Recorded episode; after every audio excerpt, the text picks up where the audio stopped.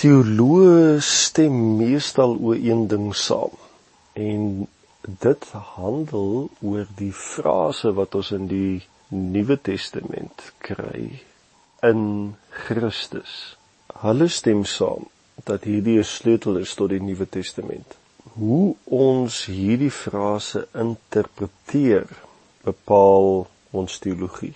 En onthou ons gesels oor die verborgenheid, die geheimenis wat geopenbaar is. En daarom is dit baie belangrik dat ons nou gaan fokus na wat die Bybel eintlik bedoel as dit die frase in Christus gebruik.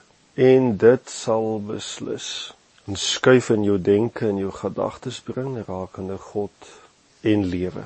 Ons het al in diepte gesels oor die koninkryk en God se koninkryk en die koning van die koninkryk. Maar wat is Jesus se verhouding met die koninkryk? Daarop moet ons 'n bietjie dieper ingaan. Jesus Christus het die koninkryk van God op aarde kom herinlei, kom hervoorstel.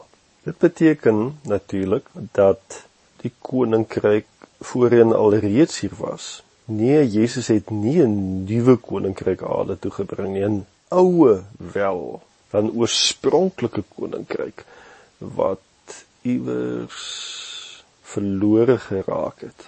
Onthou, op 'n sekere tyd was Adam en Eva die koninkryk van God op aarde, geheers van af die tuin van Eden. Toe hulle gerebelleer het teen God, in sonde geval het, het die koninkryk tot niet gegaan Jesus se koms na die aarde toe het spesifieke fokus gehad. Jesus is die seun van God en hy het gekom om die koning weer aan ons te openbaar.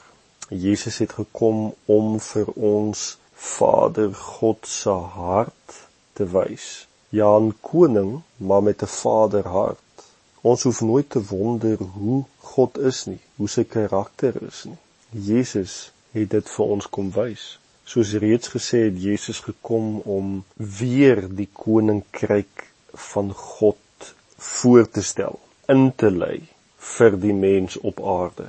Jesus het gekom om te herstel ja die heiligheid, die geregtigheid van die mensheid.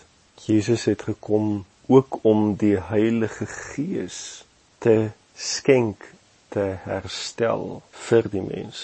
Jesus het gekom om die heerskappy van die koninkryk van God te herstel op aarde deur die mensheid. Jesus het weer teruggebring as dit ware die administrasie van die koninkryk van God op aarde deur God se aardse konings. Dis het Jesus ons posisie kom herstel as konings weer op aarde. Natuurlik het Jesus gekom om die alreeds geslagte lam te wees in tyd om die sonde, die hele sonde probleem op te los.